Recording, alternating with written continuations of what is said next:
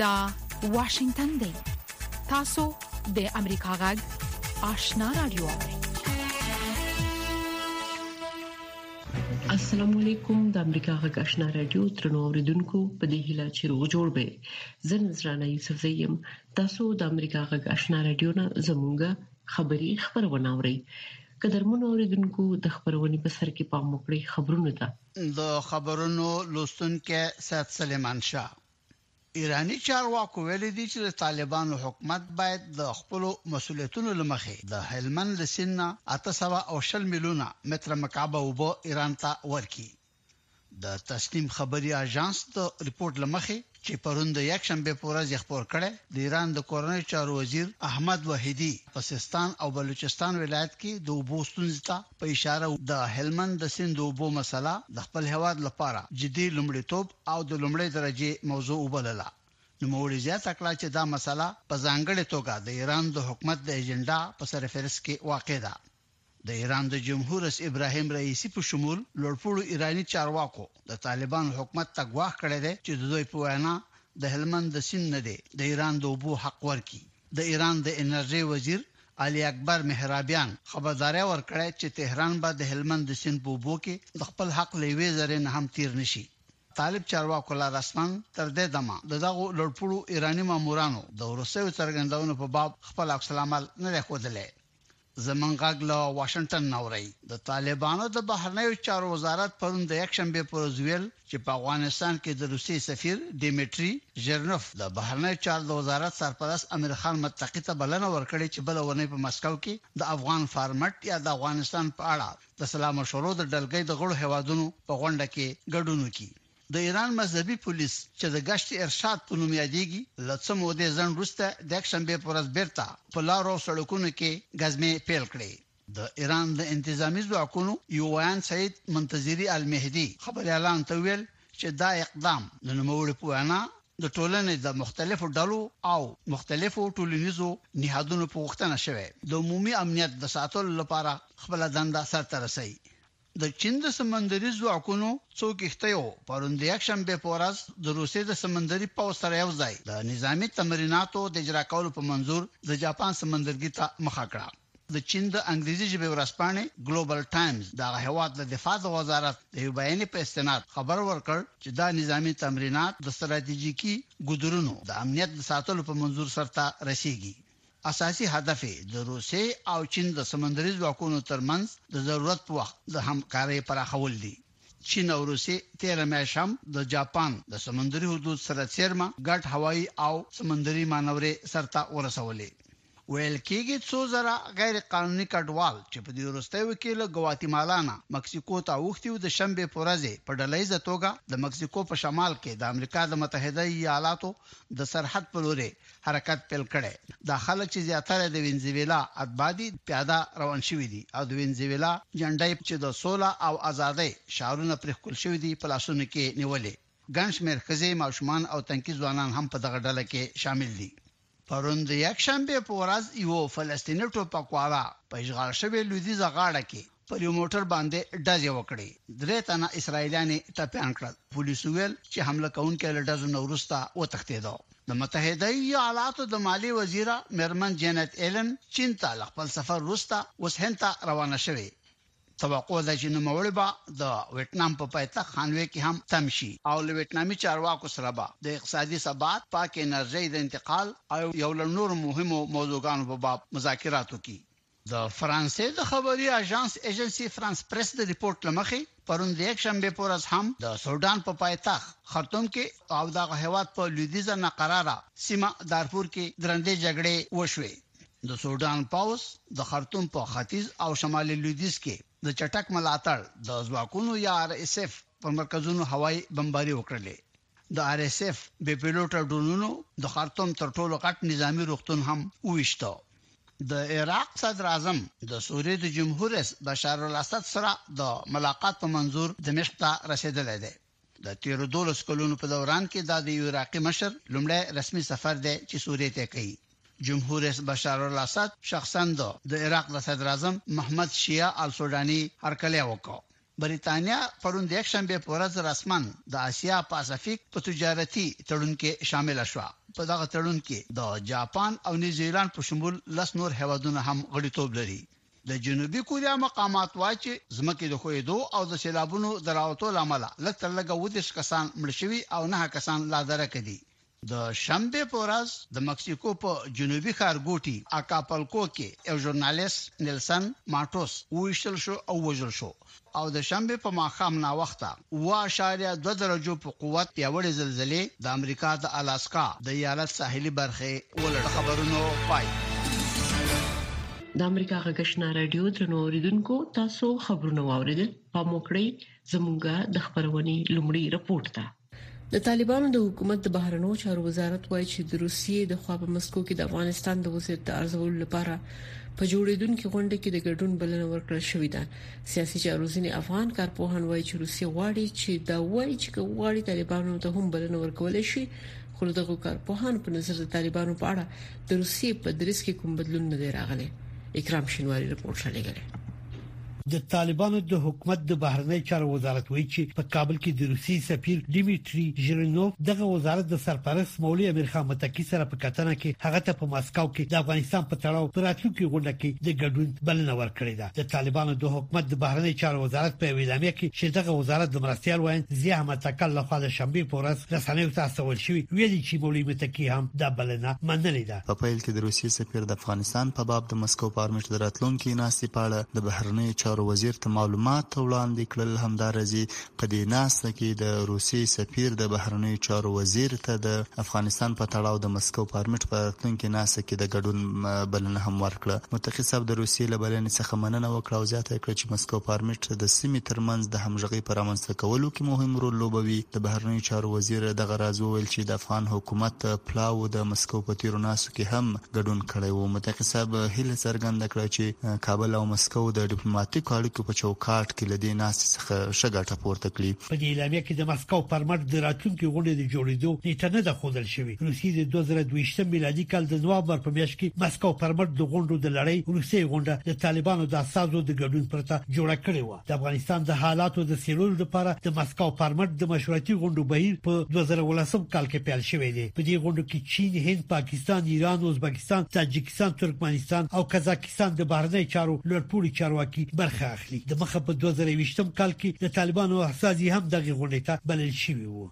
د افغانستان د چارو ځینې افغان کارپوهان دا ګڼي چې روسیه د مسکو فارمټ راتلونکي غونډې ته د طالبانو په بلنې د غوړي چوخي کو غوړي طالبان هم د مسکو فارمټ غونډې ته بلل شي خو د سیاسي چارو یو کارپو طارق پرهادي وایي چې د طالبانو په اړه د روسي او د مسکو د فارمټ د غونډې د نورو ګډونوالو په دریس کې کوم بدلون نه دی راغلی روسا هم از طالبان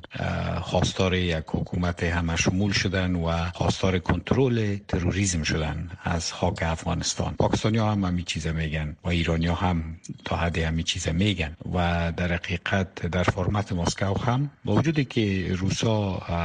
حاضر هستن امرای طالبان بزنس کنن خرید و فروش نفت و گپا اما سر طالبان اعتماد ندارن د سیاسي چارو دا کار په وایي چې د مسکو پرمټ بل مهم غړی چین هم طالبانو سره په خپل ورسته غونډه کې چې په اسلام آباد کې جوړه شوې و همدا خبره کړې چې طالبان باید یو ټول شمول حکومت جوړ کړي د یوې د هیوادونو د طالبان له حکومت سره تعامل کوي خو په رسمیت نه پیژني هغه متکی ته په دې غونډه کې د ګډون بل په داسې حال کې ورکړ شوی چې ملګرو ملتونو د طالبانو په چارواکو د سفر د محدودیتونو په برخه کې خپل موقتي لرې شوي سهولتونه له وړاندې بیرته اخیستي دي. ملګرو ملتونو د امنیت شورا د بندیزونو کمېټې د طالبانو د حکومت د بهرنیو چارو وزیر مولوي امیر خان متقي ته په اسلام اباد کې د چین او پاکستان د بهرنیو چارو د وزیرانو ترمنځ په درې اړخیزه غونډه کې د ګډون لپاره د سفر اجازه د پاکستان ترامپ غوښتنه ورکړې و اوس مال د طالبانو د حکومت د اته پنځوس چارواکو نومونه د ملګرو ملتونو د امنیت شورا د بندیزونو په لیست کې شامل دي طالبانو په 2020 میلادي کال د اګست په میاشت کې یو ځل بیا په افغانستان کې واک ترلاسه کړی خو په تیرو شاوخوا دریش میاشتو کې د طالبانو حکومت هیڅ کوم هیواد یا نړیوال سازمان له خوا په رسمیت نه دی پیژندل شوی خو د چین روسیې اروپایي ټولنې او یو شمېر ګاونډیو او سیمې د هیوادو سفارتونه په کابل کې پرانیستي او په یو شمېر هیوادو کې د طالبانو د حکومت ډیپلوماټان هم د افغانستان په سفارتونو کې کار کوي. د بدلون پر مهال کله چې د نړۍ وضعیت څرګند نه وي او کله چې اوریدل له عیني واقعیتونو سره سمون نه خوري موږ په حقیقت پسې ګرځو کله چې موږ ته د یو موضوع یوازې یو اړخ بیانېږي نو باور بایلو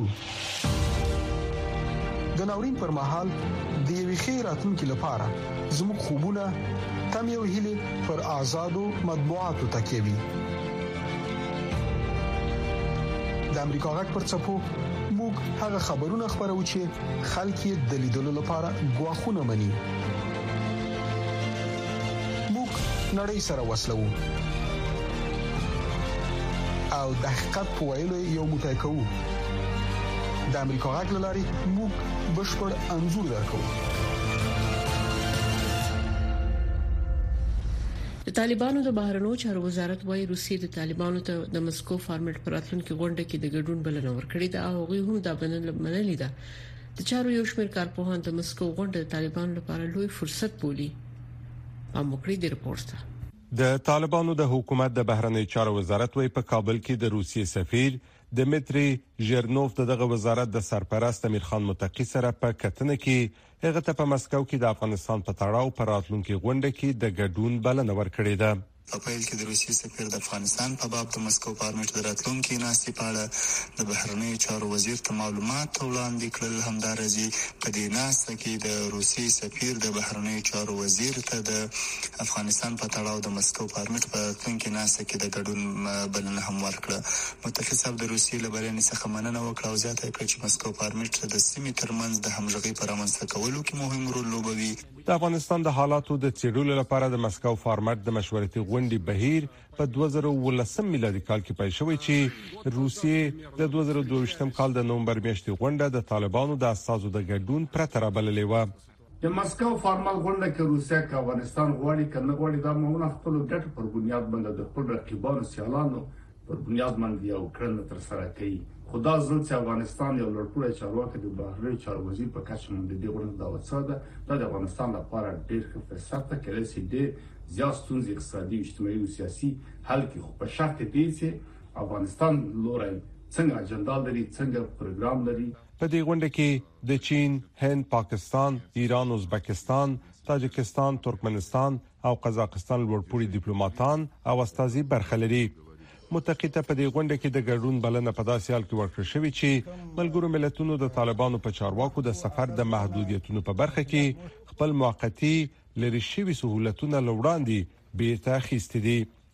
ملګرو ملتونو په خپل یو راپور کې ویلي چې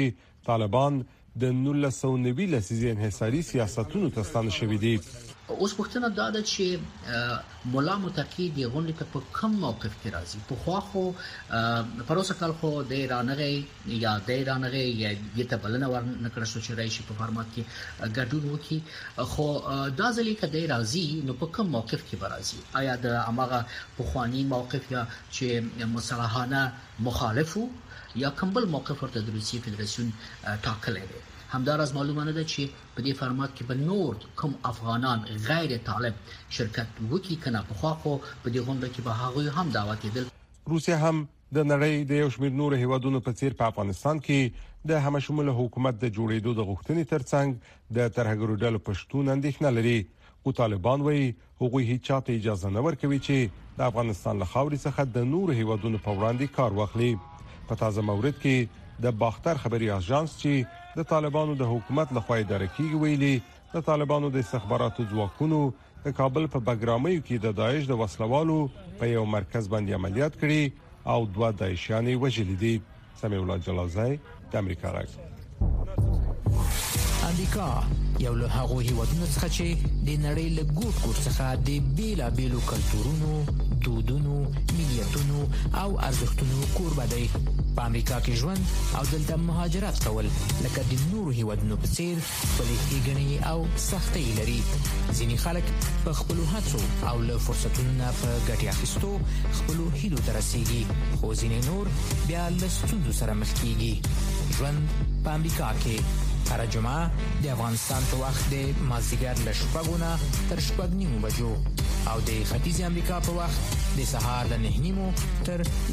سو بجو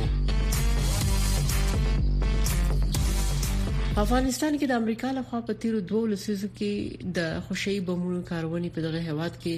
ملکی وګړو ته ترمنځ تلفات لامل شوی د دې سره سره چې دغه بمونه اوس نه کارول کیږي خو پاتې شونې په افغانستان کې لا هم د ملکیانو د ژوند په وړاندې ګواښ دی پام وکړئ د رپورت ته د اټکلونو له مخې امریکا په افغانستان کې د جګړې د لومړیو دریو کلونو پر مهال له پنځلس سوه څخه زیات خشايي بمونه وکارول. د طالبانو د شهیدانو او معلولینو وزارت د احصایو له مخې دا مهال په افغانستان کې یو لک او پنځه نوي زره رسمي ثبت شوي معلولین موجود دي. دغه وزارت وايي، د دې معلولینو زیاتره یې د ډرون د بریدونو او د خشايي بمونو د چاودنو له امله معلول شوي. امریکا یو له هغو هیوادونو دی چې د خوشهیي بمونو د مخنیوي کنوانسیون یې نه دی لاسلیک کړی. خو دغه اکثر معلولین چې زموږ دي، اسلامي امارت مجاهدین دي، ټول په همدغه بمباردونو کې که هغه د خوشهیي بمونو بمبار دی، که کلستري بمونو بمبار دی، که د ډرون هوایي بریدونه دي. د دې وزارت په وینا، ناچاودي مهمات او خوشهيي مواد ان له کارونې کلونه کلونه وروسته هم د انساني تلفاتو لامل کېږي. له دې سره سره چې د امریکا دفاع وزارت ادعا کوي چې افغانستان کې یې خوشهيي بمونه د ځانګړو موخو لپاره کارولي، خو په دغه هېواد کې بیا کیسه بل ډول ده. د میدان وردګو ولایت د جلریز ولسوالۍ اووه ویشت کلن سلیمان د خوشهيي بم چاودنې ټپي کړی. آمد یک پام در کم... چاره پام آمد در کمرم خورد ویسه ملیت شد اسدالله د خوشایی مهماتو یو بل قربانی دی دی د خپل ټولګیوال کور ته پر لار و چې یو ناچاوده بم پرې وچاودید چاودنې د نوموړي درې ټولګیوال ووژل او د اسدالله لاس یې پرې کړ اسدالله هند کې په انجینرۍ کې تر لیسانس زده کړې وکړې خو دولس کاله وروسته هم د دغه ویراونکې پېښې له امله د رواني ناروغیو ډاکټر ته ورځي. یو وخت کې ایمرجنسي شفاخانه کې سترګې رالوڅې کړې چې ګورو لاس نسته او وضعیت خراب ده نو دا د منګه د ژوند یو ترخخ خاطره و که له یوې خوا خو شي بمونه په افغانستان کې د زیاتو انساني تلفاتو لامل شوي بلخوا تازه تازه د امریکا ولسمشر جو بایډن اوکراین ته د روسیې پر وړاندې په جګړه کې د خوشه یي بمونو ورکول تصویب کړل. دا د انساني یو لوی ناورین ده او دا انساني ناورین بد بختانه امریکې او د هغوی انډیوالانو انګلیس او نور هیوادونه چې هغه په ټول په ناتو کې راټول شوي دوی دا خپل کړنلاره ګرځولې ده چې دا ډیره خاینانه ده. په ورته وخت کې امریکایي چارواکي وایي چې دوی اوکراین ته د خوشایي بمونو ورکولو د خپلې پریکړې سره تړلي خطرونو راکمولو لپاره د اوکراین سره کار کوي The Ukrainian government has offered us assurances in writing on the د اوکراین حکومت موږ ته د دوه ګونو مخو پر مختللي رواجي مهماتو د مسؤلانه کارونې او دا چې دوی به دغه مهمات په ګڼ مېشتو ښاري ځایونو کې د نه کارونې په ګډون د دغو مهماتو د کارونې په اړه د معلوماتو ثبتولو لیکلې تضمین راکړي دا کار بل جګړې وروسته د دې مهماتو د خنثی کولو د هڅو په برخه کې مرسته وکړي او د ملکی وګړو پر وړاندې به بل قوه خطر راکم کړي د خوشحي بمونو د منې کنوانسیون له غړو هیوادونو د دغه بمونو په تولید لیک او ساتلو د بندیز او له کارونې وروسته د بمونو د کارولو د ساحو د پاکولو غوښتنه کوي. تر دا مهاله یو سل او شل هیوادونه د خوچايي بمونو د بندیز کنوانسیون کې ورګډ شوي. امریکا، روسیه او اوکراین تر اوسه د یاد کنوانسیون غړي نه دي. احمدالله ارچیوال. اشنا تلویزیون واشنگتن طالبانو د افغانستان له دننه د امریکا غاټ راډیو خبرونه درولې دي خو امریکا غاټ په پوره ژمنتیا خپل افغان اوریدونکو ته په پښتو او دری ژبه د کاره باوري او هررخیزو خبرونو په خبرولو د افغانستان له بهره په 902 کیلو هرتز منځنوي سپو خپل خبرونه ته دوام ورکړي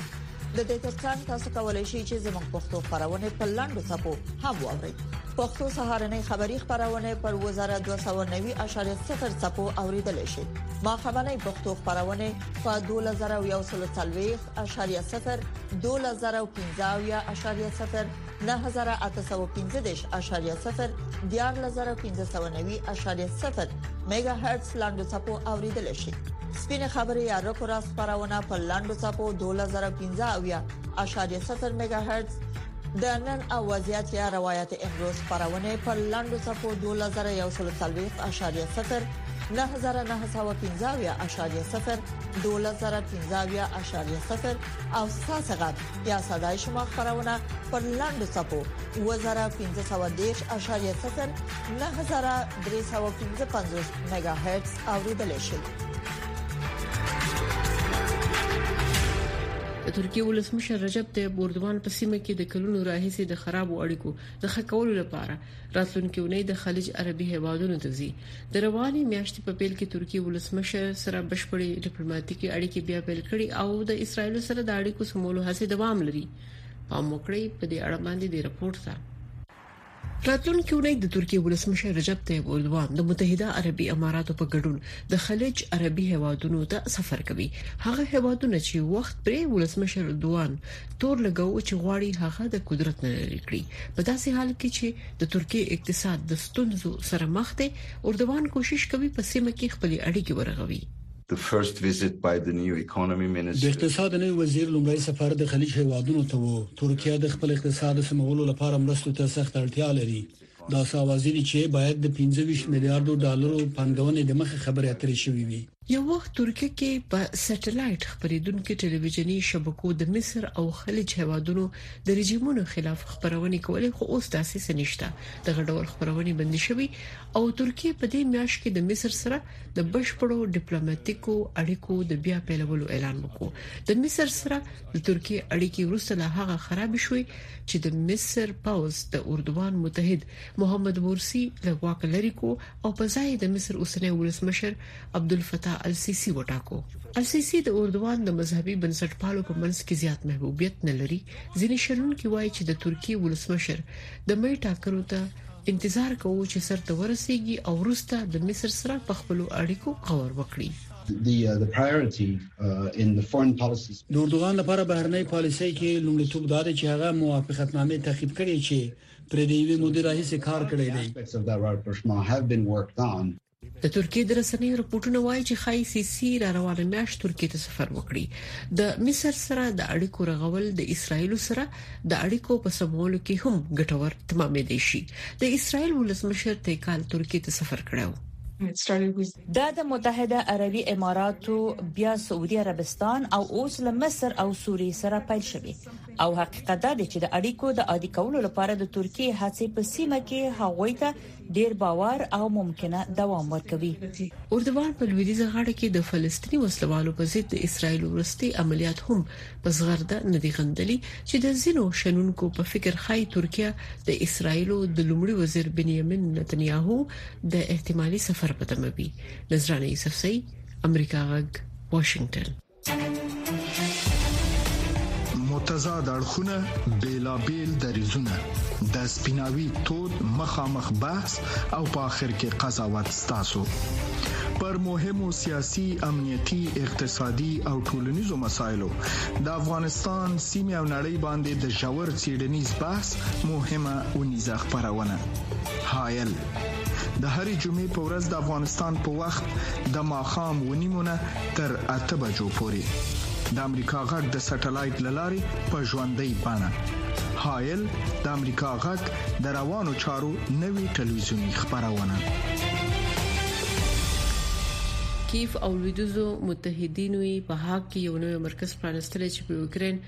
د روسیې د يرغل په تړاو د روسیې مشرانو جنایتونه وسیړي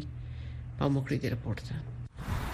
په هاګ کې یو نوی دفتر چې د اوکراین په وړاندې د تیریو د جرمونو د محکمې لپاره د نړیوال مرکز په نوم پیژندل کیږي دا مرکز به د روسیې مشرتابه د پریکړې په اړه شواهد راټول کړي چې غواړي هغه هیواد اشغال کړي د اوکراین لوی څارنوال انری کوستین ویلي چې دا اقدام د عدالت په لور یو مهم ګام دی Today, نن موږ دلته د یوې ریښتینې تاریخي شېبې په مناسبت سره راټول شوي یو، داسې تاریخي شېبه چې وايي متمدنه نړۍ نه یوازې غږ پورته کوي، بلکې د کلکو کړنو او اقداماتو له لارې دا ښيي چې د هر عمل لپاره ځوابګويي او حساب او کتاب مهم اصل دي. د اوکراین، اروپايي ټولنې او متحده ایالاتو څارنوالان به د روسیې پر ضد جنايي قضیه ترتیب کړي.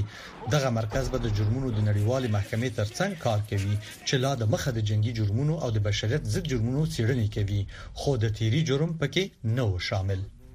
فلیپ سیمز د لندن په پوهنتون کې د حقوقو د پوهنځي پروفیسور او د نړیوال عدالت کارپوه په دې اړه داسې نظر لري. دا مسله، یرغل، د یوې غیر قانوني جګړې د ترسره کولو پریکړه، د نړیوالې جنایي محکمې له واک وتلې مسله ده. د تیري جرم د دویمې نړیوالې جګړې په پای کې د نورنبرګ د محاکمې په ترڅ کې د نازي مشرانو محاکمې ته ورګرځوي چې د سولې پر وړاندې د جرم په نوم یاد شوی وو اوس مهال هیڅ یو داسې محکمه نشته چې دا ډول قضیه وڅېړي خو دا مهمه ده چې هغه کسان چې پر اوکرين باندې د يرغل پیل کړي د روسي د ولسمشر ولادیمیر پوتین په ګډون دا کسان د تیری په جرم محاکمه شي ولی ځکه چې د ادم شرطابه لپاره یوازنی جرم دی دا یوازنۍ هغه لار ده چې تاسو مستقیم یو مشر ته ورسوي چې تاسو یې مسؤل وګڼئ او دوهم ځکه چې دا هغه جرم دی چې نور هم په نخښه کولای شي په دې معنی چې کچېرې جګړه نه وای نو موږ به د جنگي جنایتونو او د بشریت ضد جرمونو په اړه خبرې نه کولې احتمال لري چې د روسیې متحدین د نورنبرګ محکمې په څیر د نړیوالې محکمې په جوړېدو اعتراض وکړي دا معلومه نه ده چې دا محکمه به کله جوړه شي، خو اصلي خبره دا ده چې په پایله کې کېدای شي دا د نړیوالې محکمې پر ځای یوه اروپایي محکمه یا سیمه ییزه محکمه وي او دا ممکن له دې سیاسي مسلې څخه د وتلو یوه لار وي. اوکراین وایي د روسیې د یرغل په تړاو یې تر څلور سوو زرو نه ډېر جرمونه مستند شواهد راټول کړي دي چې پکې د ملکي وګړو هدفي وژنو لکه تېره اونۍ په کراماتورک کې پر یو رستورانت د توغندیو برید، جنسي تاوتریخوالی، شکنجې او د ماشومانو په ګډون د ملکي وګړو جبري بې ځایه کېدل پکې شامل دي.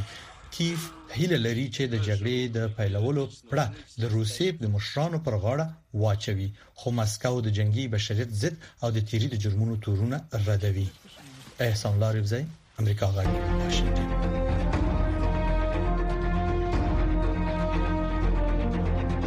د خیبر پښتونخوا په کوهاټ ولسوالۍ کې یو افغان مور او لور د خپل کیمپ نالوستو مرمنو او جنو ته لاسي هنر او خامک ګنډل ورزده کړوي ترڅو د خپل کور د نفقې ګټلو جوګ شي مسکا صاحب یې رپورټ را لګلې د خیبر پښتونخوا په کوهاټ ولسوالۍ کې د افغان کډوالو په ګام کور کمپ کې یوه افغانه مور او لور په خپل کور کې هغو افغانو مېرمنو او نجونو ته د لاسي خامک هنر ورزده کوي چې بې سوادي او اقتصادي ناورین یې ژوند ننګولی دی. نایله او د دې مور غواړي د لاسي هنر په ورزده کولو سره د دغو مېرمنو او نجونو ملاتړ وکړي، ترڅو دوی د خپل کور د نفقې چمتو کولو جوګه شي. د ننګرهار ولایت اوسېدونکې جمیله او د هغې لور نایله وایي، تر دې دمه یې له پنځوسو څخه زیاتو مېرمنو ته خامک، کورشنیل او جامو ګنډل ور زده کړي دي. دا خامک او دا ګنډل د وړوکوالي نه مې زده وو، مور نه مې زده کړی وو، خو اوس ډېر زیات هغه شوی ده او شاګردان هم ډېر زیات د راځي مانه زده کوي او مخکې ځي. په بیه هم کوي او ځان ته هم کور د پاره هم کوي او خپل هم کور د پاره هم کوم په بیه هم کوم مجبوري مې ده ماشومان د تعلیم د پاره ډیر هغه لري لږ سړی سره زه هغه په څنګ په څنګ ولاړ یم سره څه د ماشين لا کار کوم څه د ګوتو کار کوم چې څه گزاره مو وشي تقریبا د کم کې څومره کسان دي نو ما او مور مې دلته ډېر جنکه او خزي راځي نو تقریبا چې څومره ما ته یادېږي نو 500 نه زیات به مونږ کسانو ته مونږ فارغ شوي وي او هغه نه علاوه اوس هم لګیا یو مونږ خيو هغه چې چا چې زده کړې ده نو هغه خپل فائدہ ور باندې کوي خپل ځان ته نفقه پیدا کوي او مخکې نور ته خي دیده ګل چې له یو کال راهیسې دلته راځي او د جمیلې او نایلې څخه خامک زده کوي، وايي د اقتصادي ستونزو له کبله توان نه لري چې ټوکر واخلي او پرې خامک وکړي. ده یک سال شد که نمی آیم جای در زیارت میکنم کروشنیل میکنم بر مزدوری خود توانا که باش که یک چیز بر ریزه خود بکنم که خیلی غریبی ماست نه پیش میکرد میشد یک چیز حال دگرن نمیشه واسه من نمیکشه که بخرم و بدوزم و بفروشم ما کساورت اونو را میکنیم او که نه آورده گمونم بچگه که خودم است مورا روان میکنم بازار که پلاستیک مفروشه نایلا چې د دغو میرمنو سره په وړیا توګه مرسته کوي، په کمپ کې خپلو زده کړو ته اندېښمنه ده. ما دولسم پورې تعلیم کړی ده نو دا دولسم تعلیم خو هیڅ هم نه ده او زه نه غواړم چې همدا دولسم تعلیم وي زه مخکې هم غواړم تعلیم وکړم خو نه کیږي مونږ دومره وس نشته چې ډیر ډیر هم تعلیم وکړو خواهش مې ده چې زه ځان سن سره جوړ کم د دې ټیم د پاره د دې خلکو د پاره چې دوی مان سبق غزدا کی نو دوب مخکې لاړ شي لایلا او د هغې مور وایي که کومه اداره یا بنسټ د دغو میرمنو سره مالي مرسته وکړي نو دوی د خپل هنر له لارې کولی شي په ټولنه کې د نارینهو ترڅنګ اوږه په اوږه کار وکړي او د یوه روښانه راتلونکي لار وټاکي. قدرمن اوریدونکو تاسو د امریکا غږ آشنا رادیو نه زموږه خبری خبرونه واوریده موږ تاسو ته په دې هیله اجازه